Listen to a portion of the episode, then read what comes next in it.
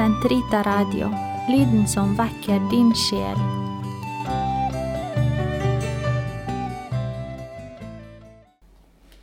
Den katolske kirkes katekisme, uke 13, søndag, paragraf 2652 til 2658.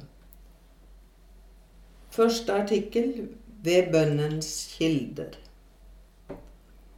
Den hellige ånd er det levende vann som i det bedende hjertet blir som en evig livgivende kilde. Det er Han som lærer oss å finne ham ved selve kilden, Kristus. For det finnes i kristenlivet visse oppkommer hvor Kristus venter på oss for å gi oss å drikke av Den hellige ånd.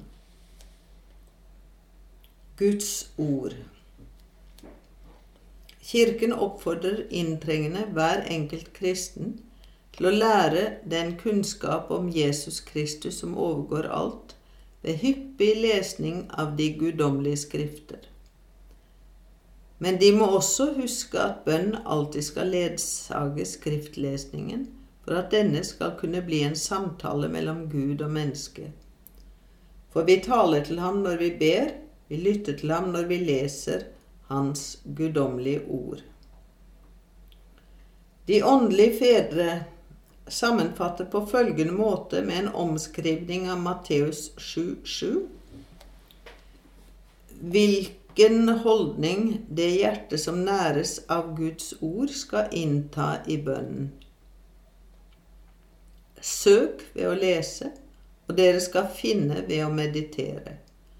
Bank på ved å be, og det skal bli åpnet for, opp for dere gjennom kontemplasjon.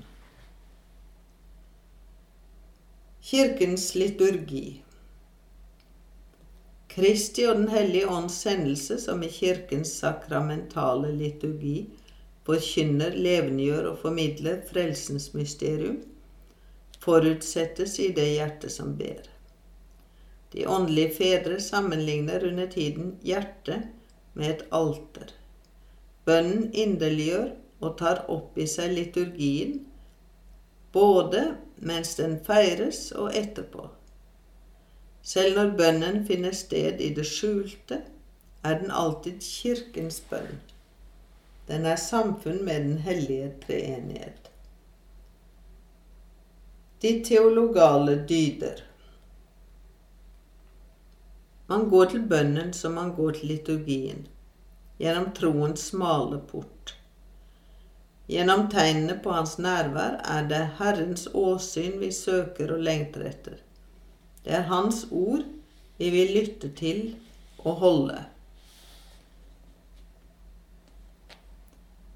Den hellige ånd, som lærer oss å feire liturgien i påvente av Kristi gjenkomst, gjenkomst, oppdrar oss til å be i håpet.